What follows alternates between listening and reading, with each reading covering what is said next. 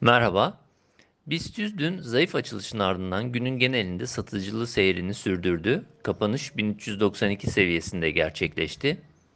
BIST'te satış baskısı belirgin durumda. 21, 50 ve 100 günlük ortalamaların altındaki seyrin devamı zayıflamanın sürdüğüne işaret ederken Temmuz sonundan bu yana üzerinde hareket izlediğimiz 200 günlük ortalama bölgesi test ediliyor. Endekste haftalık grafiklerde takip ettiğimiz 50 haftalık ortalama ise 1375 seviyesinde bulunuyor. Dolayısıyla 1390-1375 bandının endekste nispeten güçlü destek bölgesi olduğunu belirtebiliriz.